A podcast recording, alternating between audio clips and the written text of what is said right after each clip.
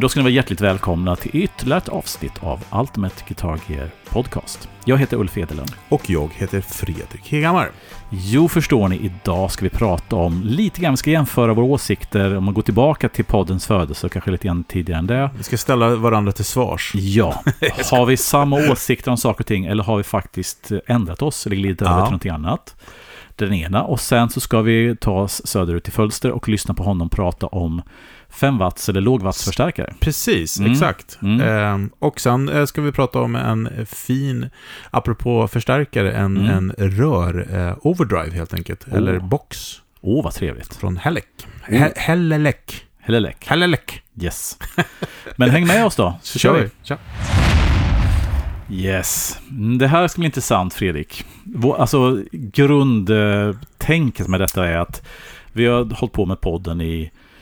Det känns ju som ganska länge, men det är ju bara två och ett halvt år, va? Ungefär. Det här är avsnitt 129. Ja. Så att vi har ju... Känns det ändå som att vi varit med ett tag och gjort massa saker. Och vi har ju tyckt massa saker, vi har provat massa saker. Och Mm. är det någonting som, när vi gick in i detta, som har ändrats?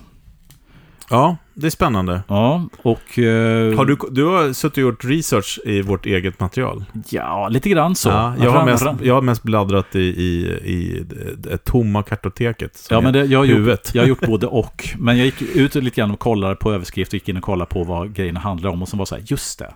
Det snackar vi om där och då tyckte vi så. Ja, och jag tyckte det var lättare att hitta grejer som du har ändrat åsikt på än, än jag själv såklart. Okej, Så jag tänkte att du, du kommer säkert säga när jag har ändrat, eller har du fokuserat på dig själv? ja, lite, lite, både och faktiskt. Okej, jag, okej. jag har rannsakat mig själv kanske mest. Okej, men jag, jag, ja, har, jag vet ju, jag har ju några grejer som... Ja, men jag vet lite också. Ja. Men eh, om jag ska börja då, om jag ska få äran att göra detta, så är det väl... Att du pratar, nu, nu ska du rannsaka dig själv alltså. Ja, exakt. Precis. Okej. Jag, ska, jag ska utgå från mig själv. Eh, sen får du prata om dig och sen så ska jag Ja, ja, ställa ja, dig mot väggen senare, tänkte jag. Ja.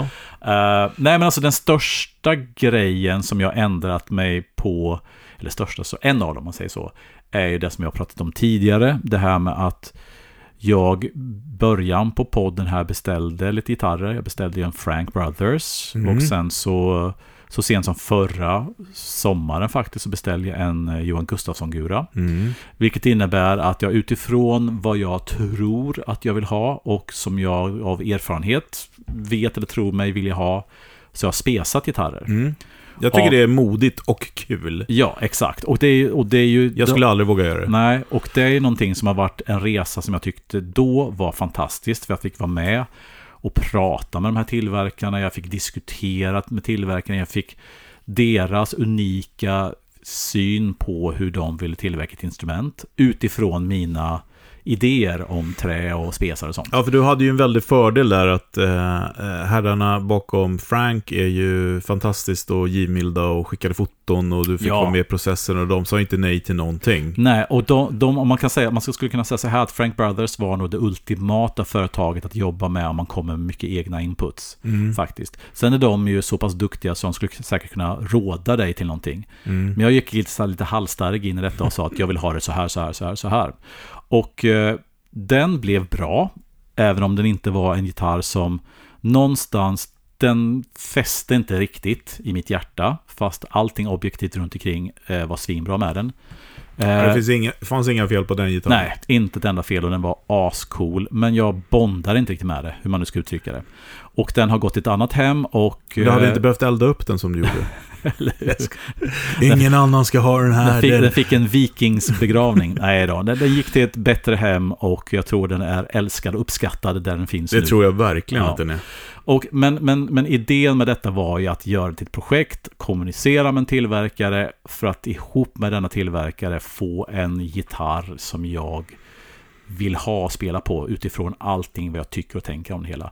Lite grann samma sak med Johan. Eh, något år senare. Mm. Eh, också...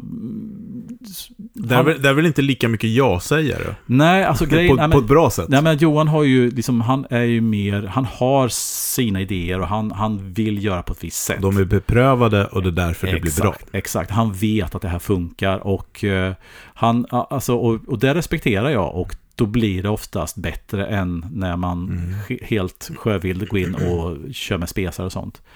Eh, Men det jag ville komma till är att de två erfarenheterna var väldigt, väldigt positiva. Gustafsson-guren har jag kvar. Eh, eh, Frank Brothers-guren har jag inte kvar. Men upplevelserna av det och vägen till färdig gura var otroligt trevliga bägge två. Mm. Men jag kände efter det här att som du säger att det är modigt men också dumdristigt. Därför att det är ganska mycket pengar de här gitarrerna och man vet inte hur de blir. Och man hamnar i ett underläge mot dem med att du bör tycka om dem. Du har investerat både tid, pengar och massa energi i det. Så du måste tycka om dem. Så är det. Vilket blir en liten konstig grej att närma sitt instrument. Mm. Eh, Så att jag bestämde mig att göra tvärtom. Ja, just det. Tillbaka. Jag, jag helt enkelt, nu låter jag instrumentet hitta mig. Att istället för att jag beställer någonting som jag tror är klockrent så väntar jag mig tills jag sätter mig och sen får jag ett gitarr, gitarrknät som jag, det här var ju fantastiskt. Mm. Gjorde lite grann så med min ES3 345 som vi Mm. snackar om. Och eh, jag tycker att det har blivit väldigt lyckat för mig. Alltså bägge de två grejerna är fantastiska. Men jag testade det första först och det funkade bra. Eh, men så nu vill jag testa det andra. Så det är en av de grejerna som jag har ändrat mig på ganska mycket. Att inte att låta, att ha tålamod och låta instrumenten komma till mig. Jag kommer säkert beställa fler instrument med mina spesar och sånt. Mm. Men just nu har jag en liten annan syn på det än vi hade då. Jag, jag Ja. tycker det, där är, det där är svårt för att eh, jag, jag tänker mig lite grann på när vi väntade vårt första barn. Om vi ska jämföra det med en gitarr. Okej. Du beställde, du spesade Nej, bara. men barnmorskan, vi, Mm. jag kommer ihåg vi satt där och det skulle vara dags för förlossning och satt med de andra i Mm. mammagruppen eller vad det var. Mm. Eh, och eh, ja, men det var en kvinna som hade en väldigt lång lista med önskemål. Mm. Och eh, barnmorskan sa det att den där gör du nog bäst i att lägga undan för att du kommer bara bli besviken. Ja, just det. Mm. Och eh, ni som inte har någon lista eh, kommer ju få en helt annan upplevelse. Mm. För att Mm. ditt fokus kommer vara på att det inte blev så som du ville. Exakt. Eh, och eh, jag, har jag har ju pratat med en del lyssnare faktiskt sen vi startade som har eh, ja, men letat den ultimata gitarren. Och det är jätteroligt. Fortsätt gärna höra av er med frågor och det. Och eh, vi är inga gurus på så sätt, men vi har ju ändå eh, några mil under eh, fingrarna Mm. på konstiga gitarrer. Mm. Men just det här när man börjar spesa för mycket så säger jag, ska du inte bara testa? Liksom. Mm. Jag tänker mig att det kan bli, man kan, eh, jag gillar ju nörderi. Mm. Men ibland kan det bli för mycket. Ja, och det var lite, det som, du, det, som du sa precis innan det här med att du spesade och du hade en förväntning att det skulle vara på ett speciellt sätt och så fick du någonting annat. Och då blir det en negativ upplevelse i och med att det inte blev som du hade förväntat dig. Istället för att se det för att ja, men jag fick det här istället. Mm. Det här var ju svinbra fast inte som, som jag hade förväntat mig. Mm. Och den här liksom diskrepansen mellan de två, det, var som, det som blev och det som förväntningen blev, kan ibland göra att instrumentet blir lidande av det, fast det egentligen inte har gjort något fel. Ja, ja, ja, precis. Eller förstår jag menar, Exakt, liksom. Exakt. Ja. Så att, ja. Det är en av de grejerna som jag har ändrat mig på i alla fall. Mm. Sen eh, något år tillbaka, eller två, tre kanske. Ja, Mm. Du då? Ta något annat som du... jag, försöker, jag, jag försöker komma på så mycket. Jag kommer mest på grejer om dig. när du ändrar. Mm. Men Jag eh, är ju ganska förändlig i min natur. Mm. Om du förstår vad jag menar. Så det känns som att jag har hunnit ändra med tusen gånger sedan vi startade våran podd. Fast ändå inte. Alltså, okej, så Mm. ska vi säga. Min största förändring i sådana fall är att jag inte har förändrat så mycket. Ja, men så är det. Alltså, det är en kort tid och vi, är, vi har uppnått en viss ålder. Men jag ju lite, alltså, Ja, men min drive har jag inte förändrat på, på sen vi startade podden. nej, okej. Den har hängt med. Ja, men om man säger så här då. Ja. För när vi startade podden så hade du ett ganska, ett ascoolt, ganska basic bord. Mycket grejer på. Ja. Men det var ganska, alltså det var old school och det Okej, var du menar, trampat. okej, du menar, Så ja. du har, och så nu, det gör nu, nu Ja. har, du har gått, alltså vi har ju mötts där och Ja. gått åt varsitt Ja, det är håll. sant, det är sant. Du har ju ett, ett midi-pedalbord med switcher och Ja, det, midi. det är en stor ändring. Det så, så den... Ja, jo, det är sant. Det är Men kan, kan du inte berätta lite grann om den? Vad, vad, som, vad fick dig att gå från världens bästa pedalbord med massa vintage-influerade och vintage-grejer på till att gå till all out eh, midi? Nej, men det var ju faktiskt... Eh, den största anledningen är ju Chase Bliss eh, automatonpedalen.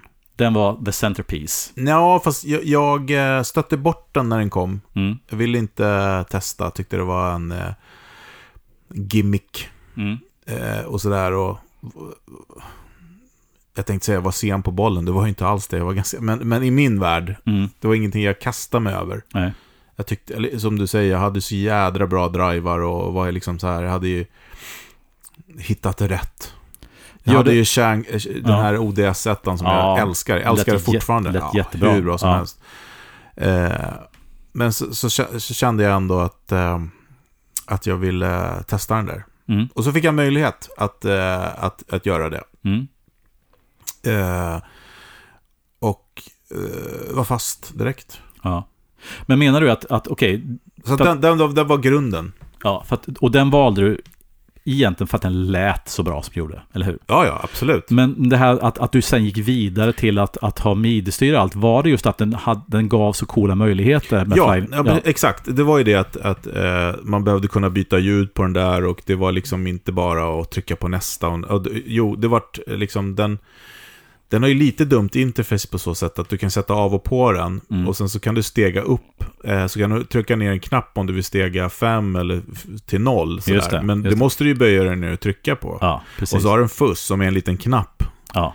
Och det kan jag inte böja mig ner och sätta på. Alla de här ljuden lät fantastiskt. Plus att så, liksom, man kan ju göra... Eh, när det kommer till drive-ljud så kan du göra det mesta med den. Inte Mm. vad som helst kan jag inte säga, för det kan man inte. Men det mesta. Mm.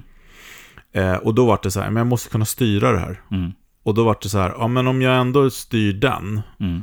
Då kanske jag vill kunna styra mitt eh, delay. Mm. Och så när jag ändå styr delay så vill jag kunna styra den. Så var det så här, ja men okej. Då seglade, eh, då seglade ju vet du, det, HX-stompen in. Mm. När det var så jädra poppis att alla skulle ha den. Och jag, jag, jag hade väl oh, åtminstone två, tre stycken innan jag liksom så här, ja men då sa jag så här, ja, jag ska, jag ska ha liksom eh, automatonen och en HX-stomp. That's it. Ja, och då har du allt kontroller- kontrollerbart med presets och midi och allt sånt. Ja. Men det sket sig direkt. Ja. Eh, så den vägen har det varit. Och sen så Mm. är det ju så att um, kommer ju de här Chase Bliss-pedalerna. Och där är ju också en sån grej som jag verkligen har ändrat Mm. ju inställning. För att ehm, de har alltid varit intressanta för mig. Mm. Men eh, lite för spacade demos, inte så mycket rock'n'roll-demos där ute om man säger så. Utan det är mycket ambient musik och sånt som, jag, som, som också är en grej som jag har börjat gilla väldigt mycket, ska vi Mm. säga. Som också är en förändring. Mm. Men, eh, men de där har skrämt mig med alla möjligheter. Mm. Alla det. Men i och med den här resan med midi eh, och framförallt när bibon kom in i bilden för tredje eller fjärde gången Mm. eh, och en pandemi med tid. Yes. Den är inte, alltså, vi får inte glömma Nej, att vi, den, utan det så hade det aldrig blivit. eh, pandemin är central för hela, ja, hela vår podd. Nej, men jag bara, sätt. nu ska, Ja. fan, nu ska jag fan lära mig det här. Mm. Eh, och nu är jag inte så rädd längre för sådana där grejer. För, för det här är ju, det här är ju liksom jättestor skillnad mot om vi bara går tillbaka tre fyra år. För att jag menar, du, du hade, alltså då, det var ju då, som, jag har ju gått tvärtom, då hade jag mitt stora bord med switcher allt, och sen mycket midi och sånt och jag gick in i det här och allt det här och du hade ett superenkelt bord även om mycket Ja. pedaler. Mm. Och sen har vi bara totalt bytt sida, så att säga. Mm. Men det är intressant att se, följa dig, hur du, liksom, de här pedalerna brydde du aldrig om, du läste aldrig manualer. Och sen så var det så här att det här låter för bra och det funkar för bra i mitt set, i setup att inte För att gå in inte, i det. exakt, Ja. precis. Så det har ju du gjort en jättestor liksom, Ja. förändring från att egentligen, alltså är det för avancerat, jag kan inte få ordning på det här på fem minuter, då sket du i det. Men nu har du ju börjat läsa manualer och, hit, och gå över den gränsen. Det är en jättestor grej Jag, tycker jag. jag som har jobbat som flygmekaniker, jag har läst manualer, det vill jag lova att jag Jo, har men gjort. precis. Men, men på de här grejerna har jag inte gjort det. Men vet Mm. du vad? Mm. Vet, när du pratar nu så tänker jag så här.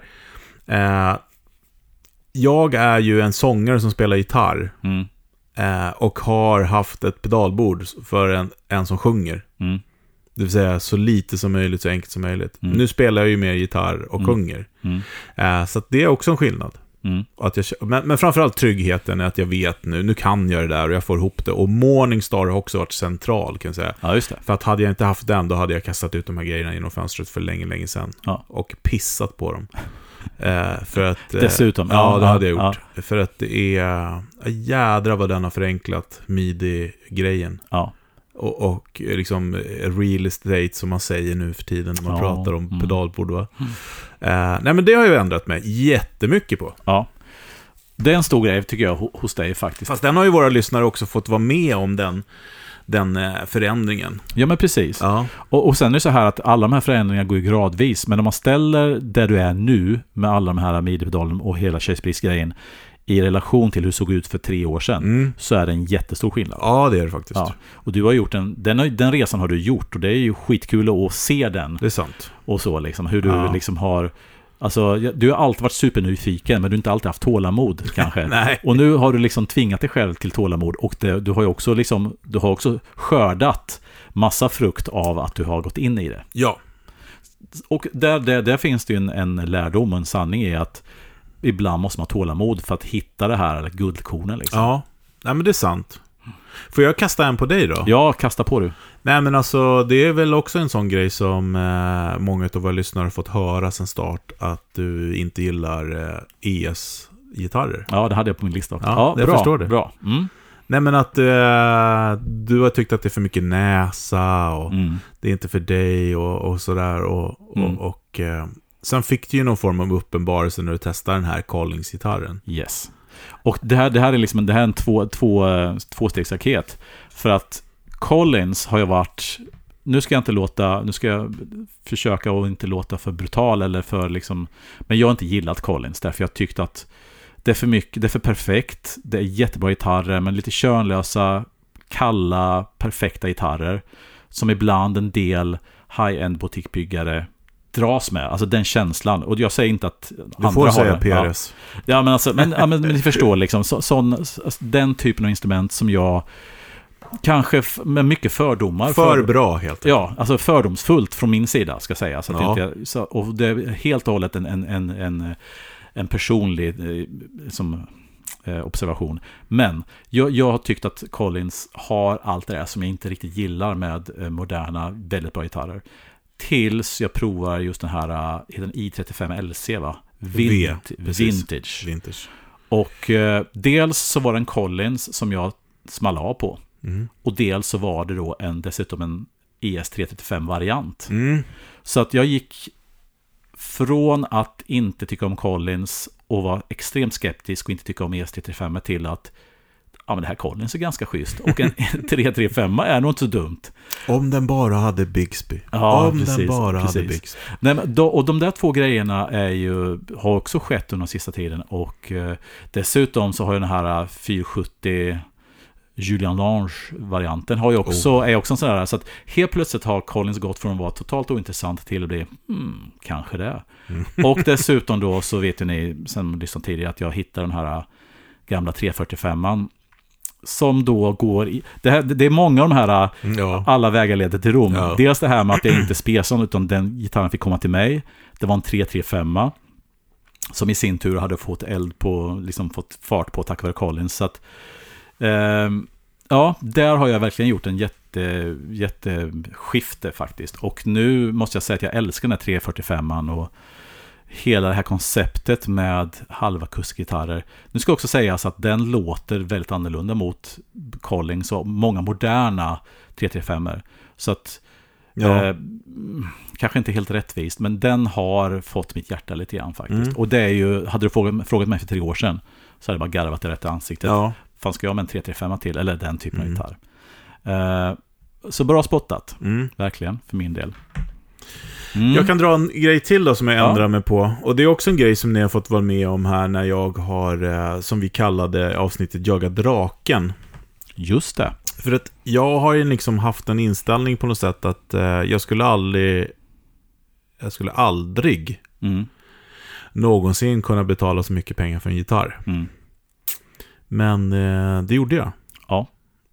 Och det var mycket hårt jobb bakom det, men jag gjorde det. Mm. Eh, och det är ju en eh, förändring eh, för mig. Bland annat så är det ju med kunskap, att jag har lärt mig så pass mycket att jag vågar. Mm. Det är en superviktig komponent. Ja. Absolut. Och en annan är såklart att jag har eh, under åren hållit på och köpt och sålt så mycket grejer så att jag har ett kapital, Mm. eh, om än i prylar Ja. Ja. och sånt, eh, såklart. Utan det så hade det ju varit omöjligt, såklart. Eh, och och var, varken du eller jag är gjorda av pengar. Men, men att kunna, att våga Mm. eh, göra en sån pass stor in- investering är Mm. ju en, en eh, ja, men ganska ny grej för Ja. mig. Nu har jag i och för sig haft den över ett år. Ja, ja precis. Men, men ändå. Och, och det där är ju, det speglar lite grann mig också faktiskt. För att både du och jag, och eh, kanske jag lite mer än du, har ju förr i tiden varit Eh, har ju alltid haft liksom en, ett öga för vintagegitarrer och Ja. vintage-grejer så liksom. Eh, men vi, ingen av oss har ju gått liksom all in och köpt någon fin, dyr vintagegitarr.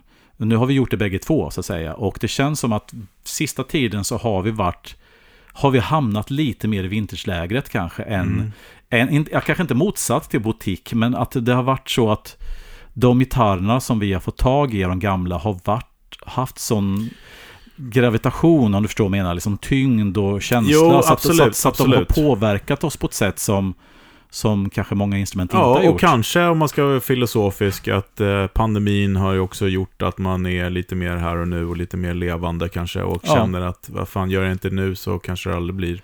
Nej, precis. Eh, om man ska, eh, det- det måste ju vara något underliggande på så sätt. Åldern också såklart. Eh, men, men jag tror att eh, för mig så handlar det mycket om kunskap. Jag tappade ju smak, jag, jag hade ju avsmak, alltså säger man va? Mm. Dålig smak i munnen av vintagebranschen. Jag, tyck, jag har stött på så många eh, Ja, men det är ingen härlig bransch egentligen. Nej. Eh, det är eh, lurendrejare och det är...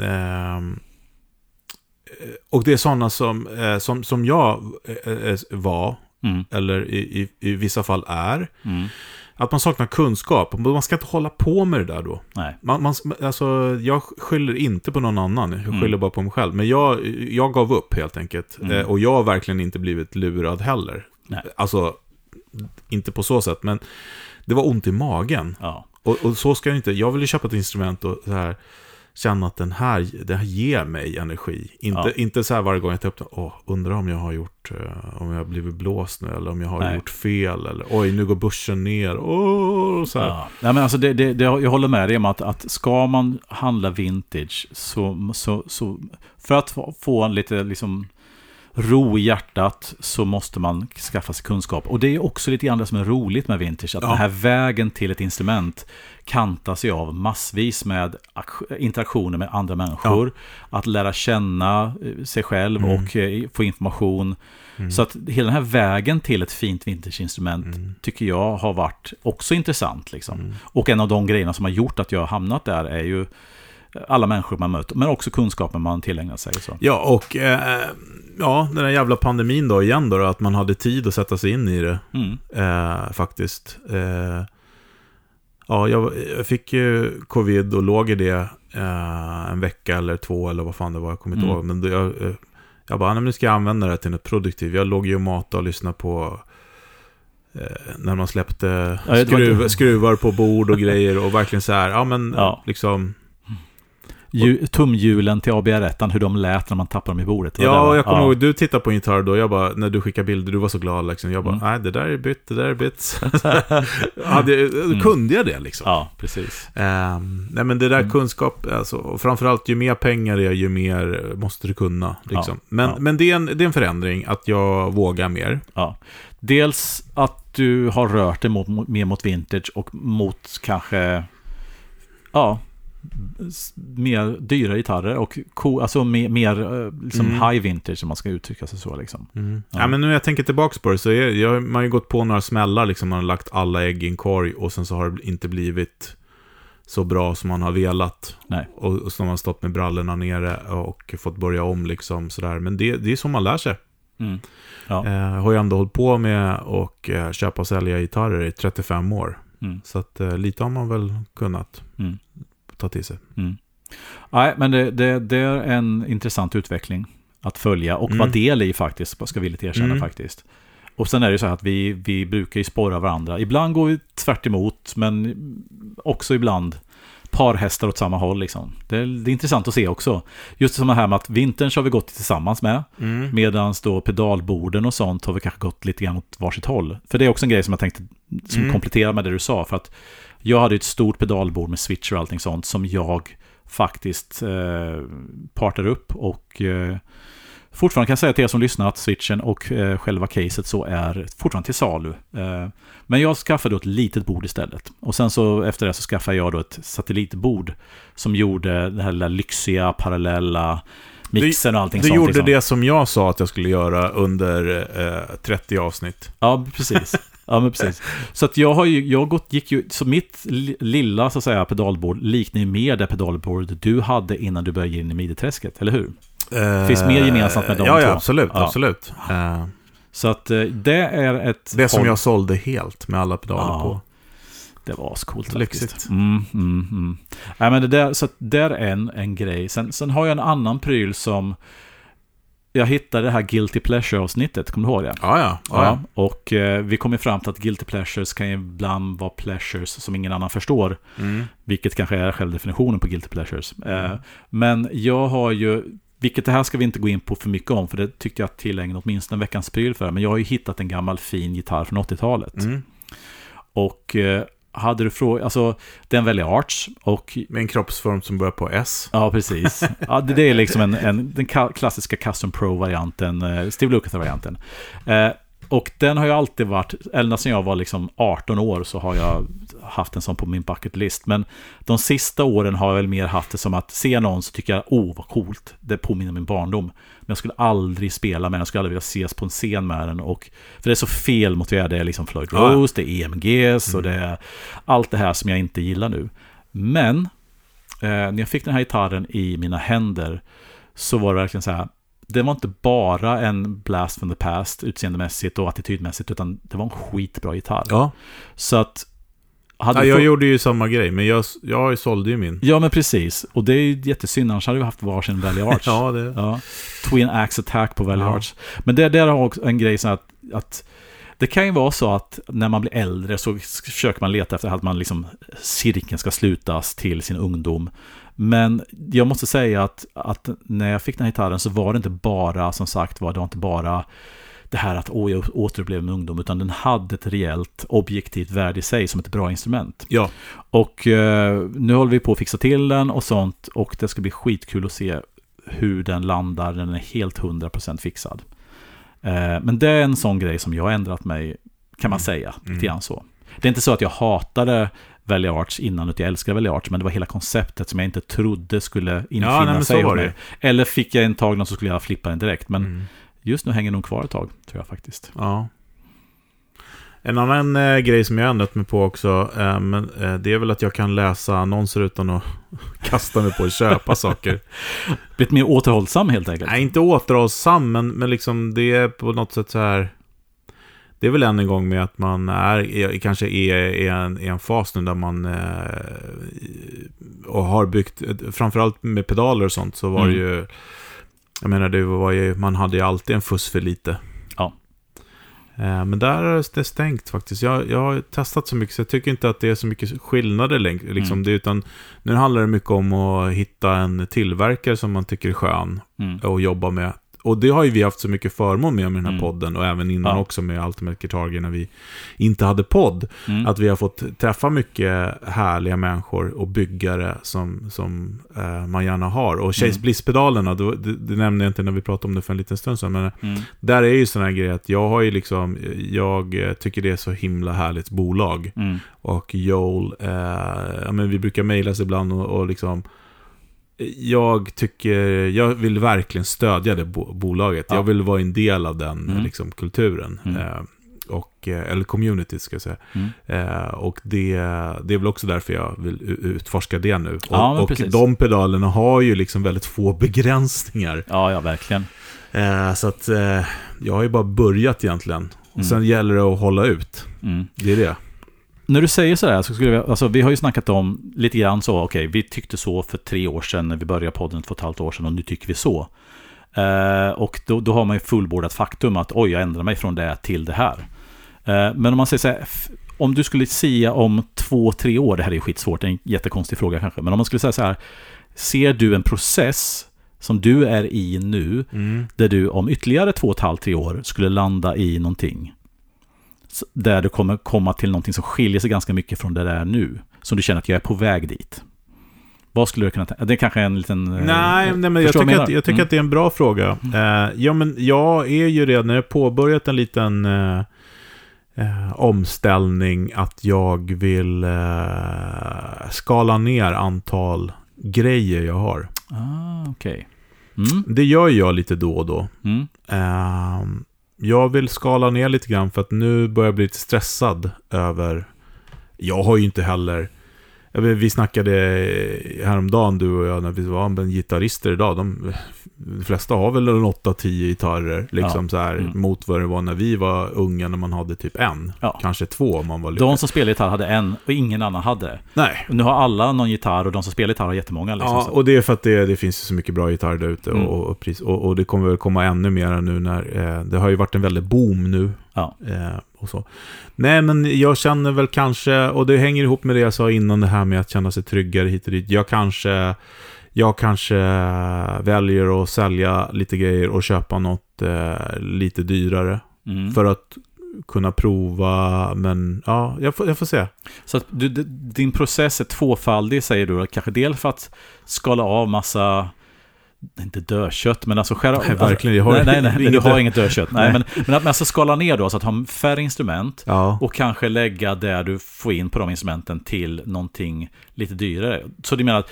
Ja, du, eller, eller, Mm. eller, eller bara testa nytt. Ja. Alltså, jag gillar Ja. ju att testa nytt. Jag, jag, jag har ju några ögonstenar som jag aldrig kommer släppa. Eh, Ald, jag ska aldrig säga aldrig. Nej, man ska vara försiktig med Ja, det. precis. Men, eh, men att liksom eh, ja, men testa något nytt. Och det behöver, det behöver nödvändigtvis inte vara mängder med nya grejer som jag Nej. köper. Men, men kanske lite grann att fortsätta vintersådran och för att kunna göra det skala ner och då själva nerskalandet, färre instrument har ett syfte i sig. Att ha färre instrument som du inte hinner spela på. Ja, och, Men och få in också- pengar. och få in pengar. Finansiera. Ja, okej. Så att om, Eh. om jag frågar om två, tre år så kommer de ha mycket färre gitarrer men kanske... Eller så har jag hunnit sälja det som jag köpte. Ja, För att jag tyckte att det är för begränsande. okej. Så, du- så okej. Mm. Det vet jag inte. Nej, nej. För det, det strider ju mot egentligen vad jag tycker. Mm. Fortfarande, liksom att köpa en jätte, jättedyr gitarr som man inte vågar ta med ut och spela, det, det är helt befängt tycker Ja. jag. Men nu är ju vi i de miljöerna, vi spelar ju på små ställen. Mm. Och det vore ju hål i huvudet att stå på en, en, en eh, ölstinn klubb med en gura för en halv miljon. Ja. Det är dumt. Det är dumdristigt. Ja. Lite. Mm, både ja och nej. Ja. Men, ja, men Ja. dum, dumdristigt men också lite grann lev livet. Jo, jag sätt. vet. Ja, ja, Jolo, ja, ja, absolut. ja, Men det kan också vara patetiskt. Ja, ja. Det kan finnas många, många vinklar nej, men, på det eh, nej, men så att eh, jag tror... Eh, sen så skulle ju liksom, jag tycker också det här med att... Jag älskar ju liksom att prata med andra och hjälpa dem och hit och dit. Och, Mm. och, och det, det skulle jag vilja göra mer av. Det tycker jag är roligt. Liksom, Mm. och, och dela med sig mera ja, av. Ja. Eh, så det tror jag. Mm. Eh, var det något svar eller? Ja, men det var ett svar. Alltså, det Lite var en, ludd, en luddig, svår, luddig fråga som fick ett eh, bra svar, tycker jag. Ja. Ja, som passade sen, frågan. sen, sen har också en, en, en, en stor förändring, vare sig man vill eller inte, kommer väl bli det här digitala. Där har vi in, in, jag vill börja nosa lite mer på det än, än, än dig kanske. Ja, lite grann så. Ja. Med, eh, eh, ja men, eh, hörlursmusik. Mm, mm. Eller spel. Hörlursspel. Ja, ja Helt precis. enkelt. Ja. Det, det händer mycket häftiga grejer nu. ja, det går bara framåt, framåt. Ja. Eh, eh, men jag älskar ju mina rörförstärkare. Mm. helt enkelt. Mm. Eh, det gör man, men eh, det, frågan är hur, eh, hur länge man får använda dem. ja. Hur länge finns rör att köpa? Ja, precis. Ja. Jag träffade Mm. Ola här, eh, ja men vi träffade ju Ola igår. Ja. Ola Insulander. Exakt. Mm. Eh, han sa det att här, ja, men man lämnar in en så SVT basförstärkare, bara byt rör in, det är så här sex stycken eh, slutrör, det kostar 65. 1500 spänn styck. Ah, Shit, ja. Styck! Mm, jag vet. Det var man, det var, fick liksom en kvartett för. Det är ju liksom mer än vad stärker kostar. Ja, ja, det är helt sjukt. Nästan. Ja. Så att, ja, men vi får se helt Själv då? enkelt. Själv då? ja, men Vad tror du? Ja du, bra fråga. Jag har ju, som vi ska prata kanske lite senare om i podden, har ju en ny arbetssituation som säkert kommer färga mig extremt mycket närmaste Ja. två, tre åren. Eh, och jag tror kanske att det kommer...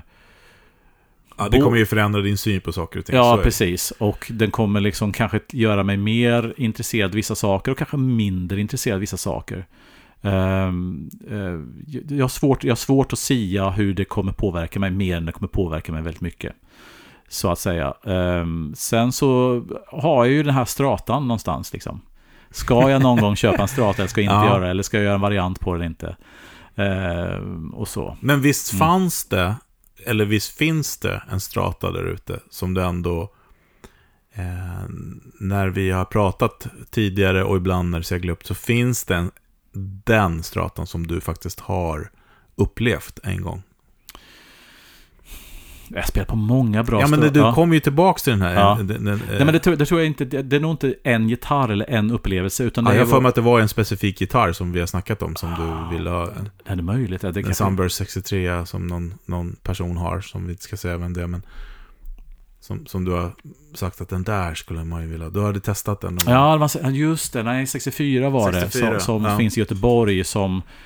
Nu spelar den killen väldigt, väldigt bra. Så att, men den hade, han har ställt in den så att den bara funkar så här. Den, den är en sån som jag skulle... Ja, för den har du snackat om flera Ja, gånger men genom precis. åren. Ja, men precis. sen, så länge jag har känt det. alla Ja, och killen vill inte sälja den och eh, den skulle kunna tänka mig. Det brukar hänga ihop med det här att man vill ha något, med att Ja. man inte vill sälja. Ja, det var lite för bra. Nej, men så den, alltså en strata kanske. Och jag menar, jag, när jag hörde, vi hörde Ola spela igår då, så man, han kör det här lead-läget som jag faktiskt har börjat älska på strata. Så, här, så här, mm. Det finns ju allt ifrån Gilmore till eh, Gary Moore, tidigt 80-tal. Alla, you name it. Det finns det soundet liksom. Så, Så att, eh, ja, vi får se helt enkelt. Eh, ska bli väldigt kul att eh, eh, tänka på, eller liksom lyssna på det här vi snackar om nu om två, tre år faktiskt. Ja, Mm. eh, och jag letar i P90 igen nu då. Ja, just det. Det, det har inte du kommit tillbaka till än riktigt. Nej, men som vi snackade om häromdagen, Bukovac la upp en, en video där han spelar på en SG Special 61 tror jag det var. Åh, det lät så bra. Helvete. Ja, Ja. det, det, då fick det här, jag har ingen P90-gura. Jag tycker ju Mm. inte om P90, men när det låter sådär så jag kan bara låna hans fingrar också så blir allt perfekt. Eh, Exakt, det hade varit enklare kanske. Eh, Mm. någon hundratusen mil eh, i fingrarna. Ja, eller ja. 200 000 mil. Ja, shit. Ja, men eh, vi får se. Ändra sig får man göra i alla fall. ja, absolut. Det är härligt. Och den är så bara bra om man gör det. Det ska, Ja. in, ingår. Exakt. Mm. Eh, och eh, världen är öppen av, eh, av nya möjligheter. Det är det som är så kul. Yes. Och apropå möjligheter. Eh, de öpp, öppnas i, i, helst i södern. Helt Ja, enkelt. faktiskt. Ja. Vi kör. Japp.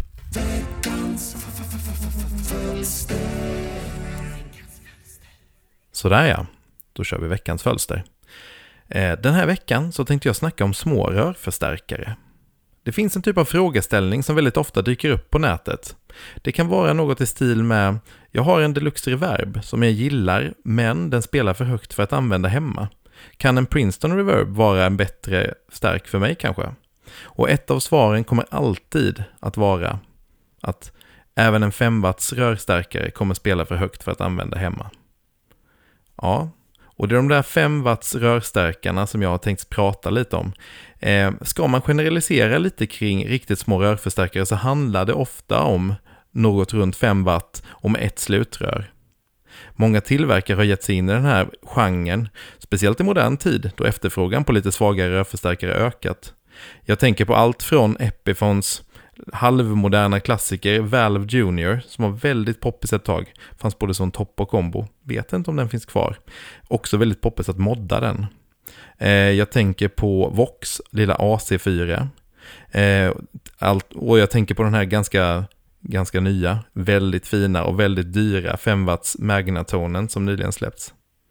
Eh, men den mest typiska i genren är ändå Fenders Champ och i synnerhet 50-talsmodellen som brukar kallas för Tweed Champ. Då. Eh, tänkt från början som en övningsförstärkare för nybörjare men som blivit en dunderklassiker.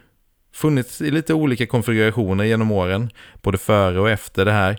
Men de allra tidigaste som kom med 6-tumshögtalare brukar man kanske inte tänka på som de mest typiska, utan det är snarare den med 8-tummaren som kom lite senare. 8 tums högtalare, tre rör, ett förstegsrör, ett slutrör, en likriktare och typ 5 watt. Eh, och varför den här modellen fått sån mytisk status är på grund av de många inspelningarna som de används på. Claptons Leila-platta är kanske det starkaste exemplet. Man brukar snacka om att både Clapton och Dwayne Allmans kopplade in eh, i varsin ingång på samma lilla Tweedchamp på titelspåret. Andra användare av den här modellen är Keith Richards. Det sägs att Billy Gibbons har använt en sån här på inspelningar. Dunderproducenten Dave Cobb i Nashville lovordar hur bra en Champ låter på platta. Julian Lars är den enda jag kommer på som spelar på en sån här live. Funkar kanske lite bättre i hans kontext än arenarock. Eh, den är ju klart inte optimal för livebruk. Men en Champ är kul för att man kan vrida den på max utan att avlida. Eh, och det är ju ett coolt sound, tweed drive genom den lilla högtalaren i den lilla lådan. Inte världens fetaste ljud, men perfekt att micka upp och spela in. En vanlig mod på en sån här är att sätta chassit i en större låda och kanske med en 10 eller en 12-tums högtalare istället. Och det gör den såklart lite potentare, även om man kanske tappar lite av skärmen som man får i paketet med 8-tums högtalaren. Jag kom på när jag planerade det här avsnittet att jag faktiskt har byggt ett Champ-kit från Nordström Audio här i Helsingborg för några år sedan. Tips på Nordström Audio som gör fina kit om man vill bygga en förstärkare hemma. Eh, chassit är färdigbyggt. Måste vända sida på mina anteckningar. Eh, högtalaren har jag köpt, men jag var lite snål för att köpa kabinettet. Och efter det så har bara ja, högtalaren och chassit legat i en garderob. Men jag plockade fram det nu för att jag har faktiskt inte tänkt på den här på länge och spelade igenom lite olika tolvor som jag har här hemma. Och det är ju ett grymt sound. Eh, en så här liten och lågeffektiv stärkare har begränsningar i basåtergivningen. Och då man inte alltid tänker på det genom en 8-tums högtalare så blir det desto tydligare i en större högtalare. Det saknar liksom lite punch. Eh, det känns som att anslag på låga E-strängen liksom suckar fram lite istället för att, liksom, att det smäller till. Eh, någonting jag inte har tänkt på när jag spelat liknande kretsar genom mindre högtalare. Men å andra sidan, vrider man på sådana här förstärkare lite mer, då börjar det ju trilla sönder lite. Men det gör ju även större tweedstärkare. Så att, eh, ja, eh, men som sagt, jag tycker det har någonting in i de här åttorna. För att eh, det är som att kretsen är lite matchad till den högtalarens storlek. Att jag blivit en sån här nörd och en sucker för bra ljud och coola sounds kan tillskrivas en 5 stärkare från Swart som jag fick låna av min kompis för länge sedan. Jag hade nästan lagt ner gitarr för tio år sedan, men sen kom den här Swarten och väckte liv i allt igen för mig. Swart har flera kul 5 modeller i sin lineup med olika storlekar på högtalare och med lite rejälare trafon ofta för att bland annat hålla ihop basen lite bättre. Tips! Kolla in Swarts lineup. Fanns, eh, ja men det finns nog fortfarande på Disco 211 då och då. Som sagt, coola, finns med tolvor, finns med tremolo, finns med reverb ja, lite så här, eh, deras takes på Champ. Jag, jag, gissar att den är kopplad till Champ. Svinbra stärkare. Ehm, ja, och till sist då, spelar en 5 watt stärkare för högt för sovrummet? Ehm, I min erfarenhet, ja, om man vrider på tills det spricker. Då är det oftast rejält högt oavsett vad man har för högtalare, för trafon och så vidare. Men vad jag tycker skärmen är med de här är att man kan, liksom, man kan vrida på stärken tills dess att de börjar eh, liksom leva, leva upp, komprimera lite skönt och bete sig precis så som man vill att en rörstärkare ska göra. Och det kan man få till på modesta volymer. Och där tycker jag att skärmen ligger i de här kretsarna. Eller då antagligen att vrida den på järnet och spela in den. Det är väl också coolt. Ja, Fredrik Uffe och ni som lyssnar, vad har ni för erfarenhet av små rörförstärkare? Är det någonting som intresserar er? Är det någon som använder en mindre rörförstärkare hemma? Eller i studion kanske? Tipsa om kul och spännande modeller. Så kan vi väl eh, höras på sociala medier. Vi finns ju på YouTube, Podbean, Instagram, Facebook såklart. Ja, och så hörs vi nästa vecka. Ta hand om er. Hej! Ja, tack. Tack så mycket Fölster. Um... Det här är ju ett ämne som jag, vi har ju pratat om det här innan och jag är, jag, jag kan, det, kanske, det här kan ju bli en sån här grej som jag om tre år sitter med en champ eller någonting och tycker att, ja. att, att, att, att man har gjort den här totalanvändningen. Ja. Men än så länge så måste jag säga att jag, jag personligen tycker, jag ska inte säga, jag, jag tycker, jag tycker att, Säg vad du tycker Jag tycker det är ganska poänglöst med en 5 watt. Alltså jag, om man säger så här, om man ska använda det i studio och spela in med, då skulle det säkert vara ascoolt att kunna ha det som en del i paletten. Men i och med att jag inte använder förstärkare och spelar in på det här sättet så, så tycker jag fem... Jag, tycker, jag, jag vill ha headroom, jag vill ha den här attacken i basen. Mm. Eh, vilket gör jag allt, alltid liksom lutat mig mer åt stärka med lite mer headroom, med lite mer wattantal. Och kanske mer filtrering och kanske inte liksom alltid landat i tweedar som har då mindre filtrering och de är mindre, blir väldigt pruttiga i basen. Ja.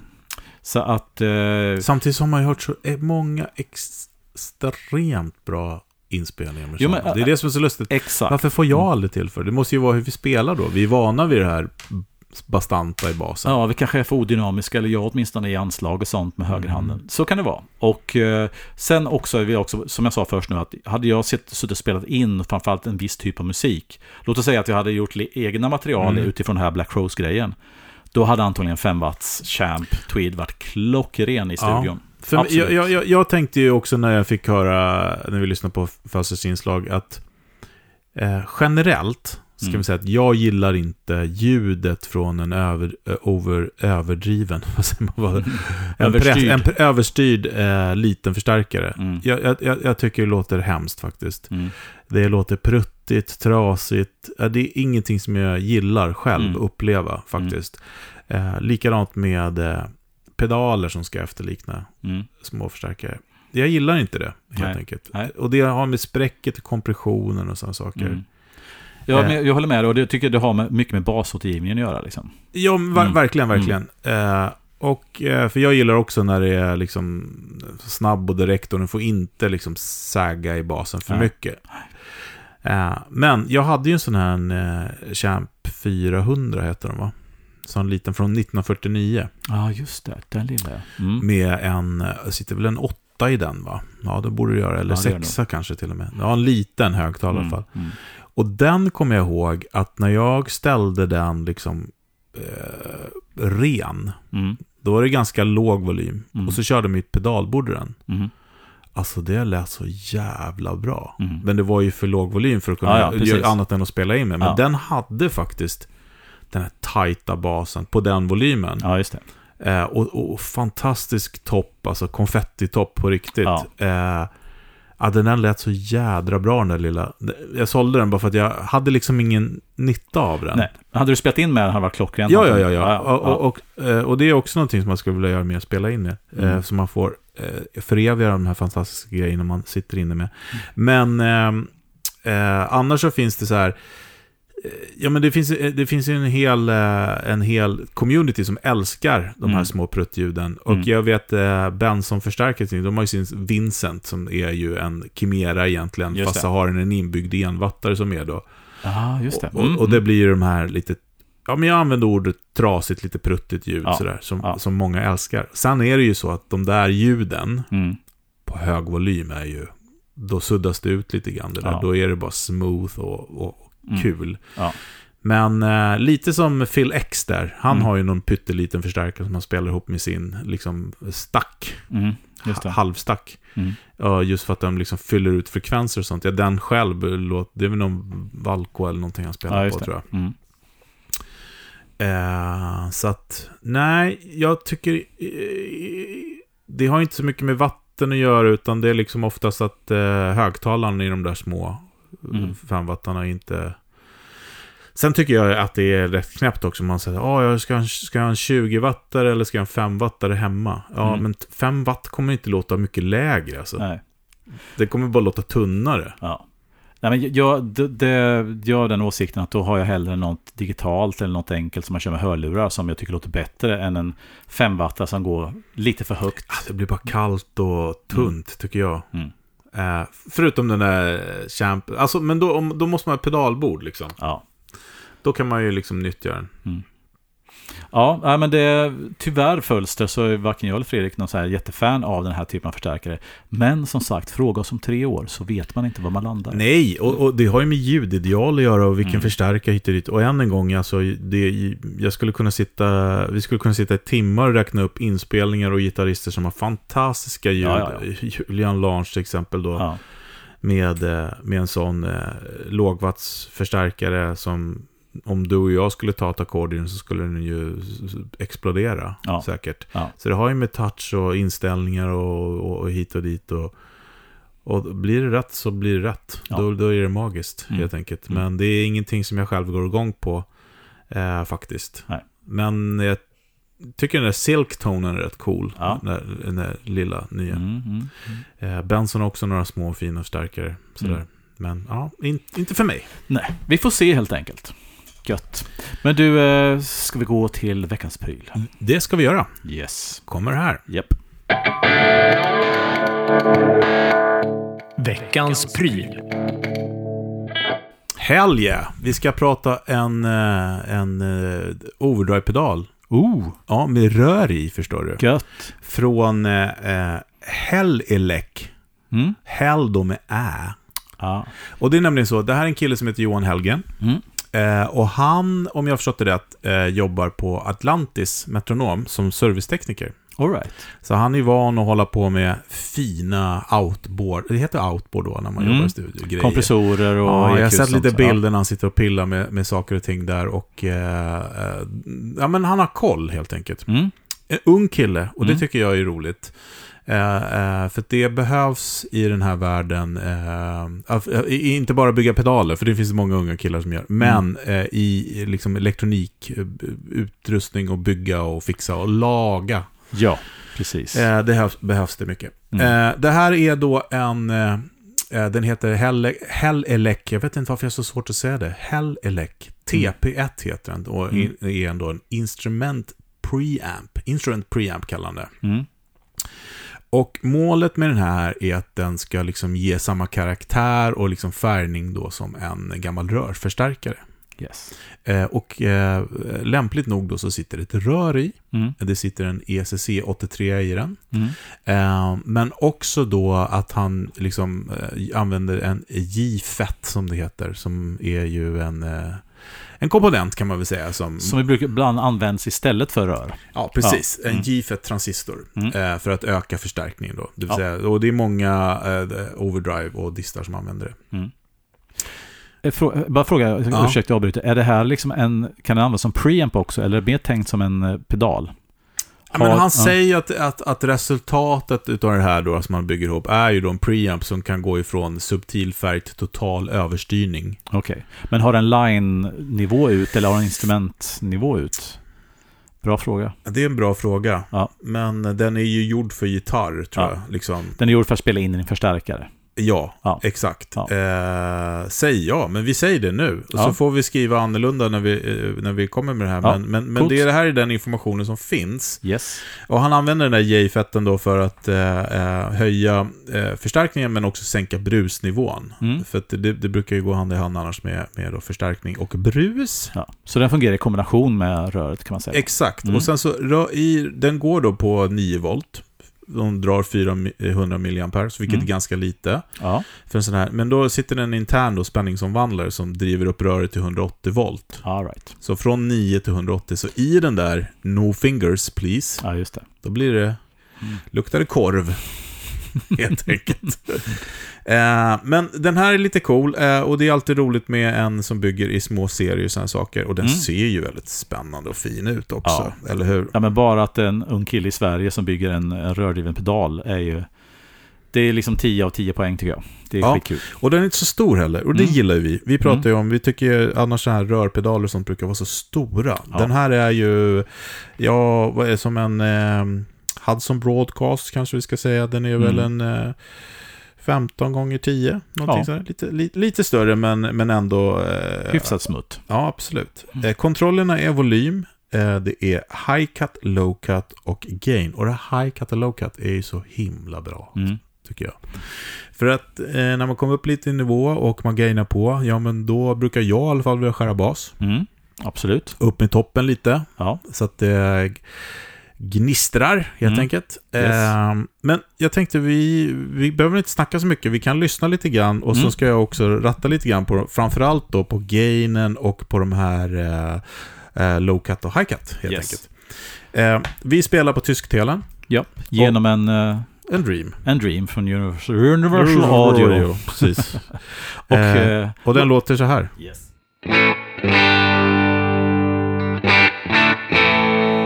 Precis. Uffe håller på att tampas med hörlurskabeln. Eh, Det med att spela gitarr med hörlurskablar som ingen- slänger överallt, det är Nej. ett, ett sattyg. Ja. Eh, Okej, men det är ett rent ljud eh, som ni hör. Eh, och nu har jag ställt in den här fantastiska eh, Elec-pedalen på, med allt rakt upp. Mm, klockan 12. Klockan 12. Yes. Och då låter det först... Vi kör rent först igen. Nu kommer den.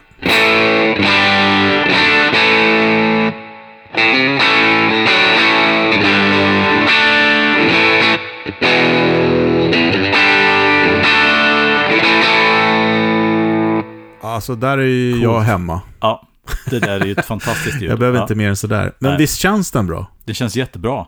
Och den har någonting, någon liten kompression på anslaget som är typiskt rör som inte alla, om man säger vanliga pedaler har. Nej, men precis. Eh, Den, den, eh, den duckar härligt, fast inte för mycket tycker jag. Nej, utan den har den här bouncen Ja, på för, anslaget. för det som, kan bli för mycket. Och undrar om inte det är den där konstruktionen där med den där grejen i början. För att eh, vissa rördrivna pedaler tycker jag blir för svampiga. mm. Låter fantastiskt, men lite för svampigt. Men du, Ja. jag tänker att vi testar eh, high-cutten först. Mm. Eh, jag rör ingenting eh, mer än att jag går från eh, eh, 12 till 0 Mm. och till max. Så får ni höra hur det låter. Så spelar jag bara något Du enkelt. spelar bara helt enkelt, ja precis.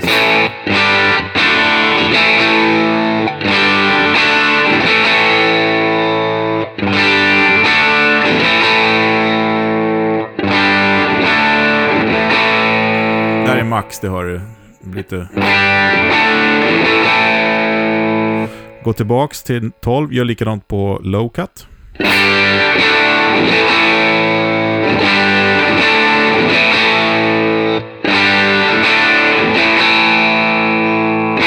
Där var max. Ja. Ganska subtilt. Ja, det Mm. blir ju mer ju mer gain. Ja, right. Eh, så att om, jag säger, om vi har en 12 igen då, då Mm. man säger så, och så drar jag upp eh, till kvart över då, på den här, eller klockan, eh, vad säger man? Klockan ni, nio va? 9, precis. Så att du Och har gainen- bara liten, precis upp bara lite grann så va? Ja. Nej, du är på tre nu. ja, förlåt, tre. Jag menade tre. Ja, Okej. jag menade tre. Yes. Det, det här med klockan, vet du, det... Ja, jag vet. Ja.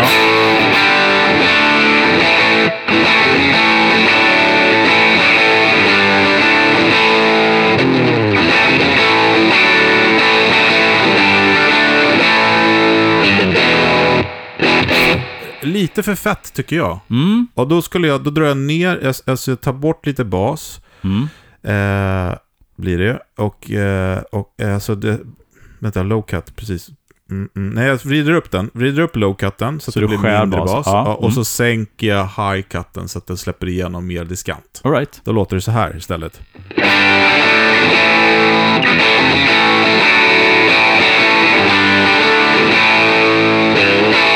Tajtar ju till det då. Ja. Och det, och det är fortfarande ganska subtilt, men allt sitter i de rätt frekvenser. Så ja, det, men lyssna det nu när jag rör från, eh, när du spelar då på low cutten från max till min helt enkelt. Okej, då. jag ska bara Du ta bara- en tugg liksom. Ja, till. tugga på. Ja, just det. Ja. Det bluddrar till det Ja. liksom lite grann där. Och nu är det max då. Då är det borta. Snyggar upp precis de här Ja. frekvenserna man Ja. vill alltså. Och så ja. tar vi likadant, nu, kör den, nu står den i mitten nu då, 12, och så kör jag likadant med eh, high-cutten då. Mm.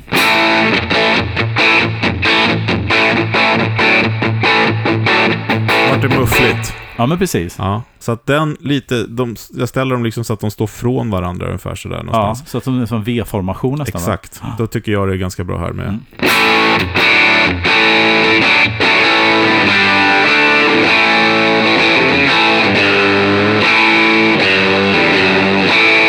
Precis, men så sänker jag gainen då till klockan 12 igen. Och då Mm. tycker jag, i alla fall när jag testade förut, att det blev lite sprilligt. För höra när du Mm. spelar.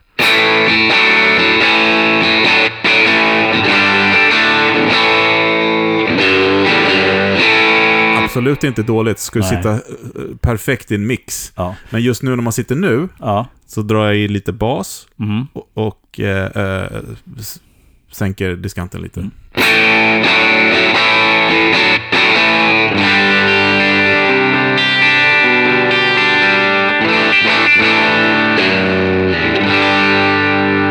Ja, Ja, men fantastiskt. Och det här ljudet som vi har nu med inte jättemycket game på, kör man in en liten liksom en eh, treble booster eller någon liten boost innan det här, oh ja. så kommer man kunna styra det här utan att liksom, ja. Precis. Mm. Vi kan ju då testa, eh, vi ställer dem där rakt upp igen och sen Mm. så drar jag ner gainen och så, så drar jag upp volymen istället, för att se vad som händer då. Ska vi ta utan pedalen en gång bara testa? Ja. Yes.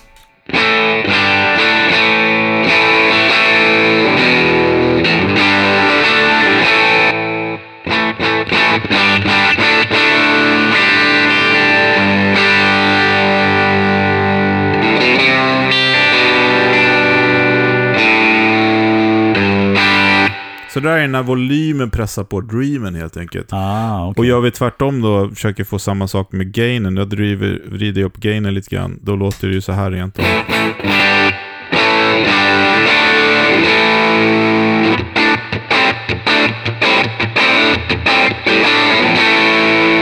Ja, jag tycker den låter svinbra. Ja, men alltså den...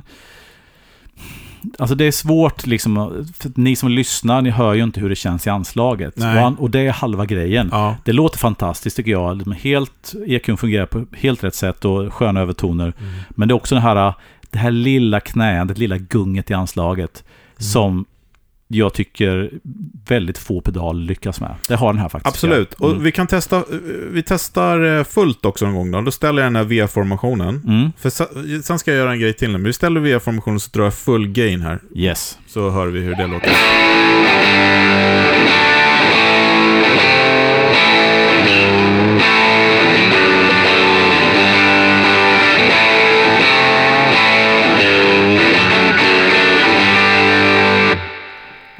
Ja, svin, svin Drog jag ner, nu Ja. skar jag ännu mer här båda två för att jag Okej. tyckte att det var lite bulligt. Okej. Men om vi tänker det här ljudet nu som vi har och så tänker vi det här vi pratade på Felsers inslag här om att en liten förstärkare. Mm. Ja, då låter väl den ungefär så här då. På, med, med full gain om man ska simulera pruttljudet då. Mm. Ska se om vi får till ja. pruttljudet.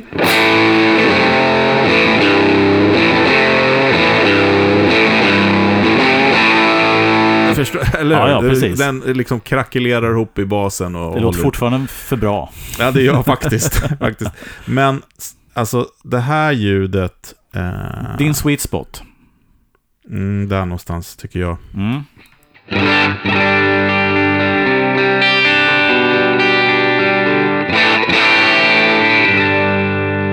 På halsmick bara för att... Ja.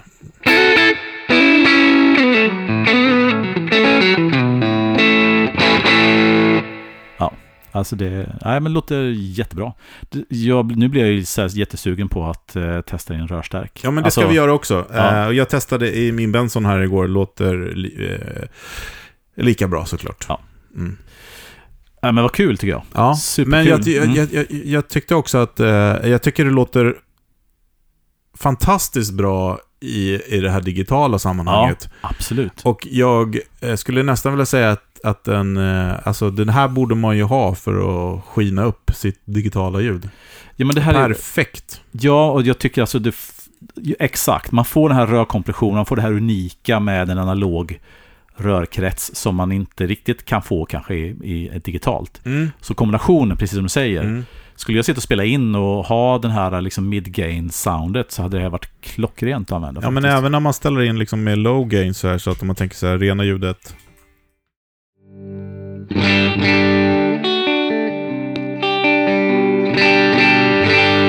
Bara det där vill man ju ha. Ja, det lyfter bara liksom.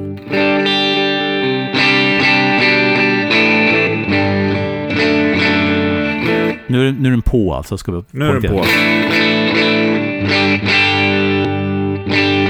Nu är den av. Ja, då får man det här lite tubbiga Ja. blackface-grejen och sen med det där får man skimret Ja. liksom, rörkompressionen. Ja, nej, riktigt kul. Bra Ja. jobbat Johan. Ja, svincoolt, Mm. verkligen. Ja, Men eh, spännande. Kolla in den. ja, verkligen. Hellelek. Kommer säkert finnas i, i coola butiker framåt hösten här Ja, i, i. Stockholm. Ja, vem vet, vem vet. Mm, mm. Ja, Ja. spännande. Vi hörs helt enkelt. Vi säger tack för idag Ja. eh, och eh, på återseende. Vi hörs nästa vecka. Tja! Hej!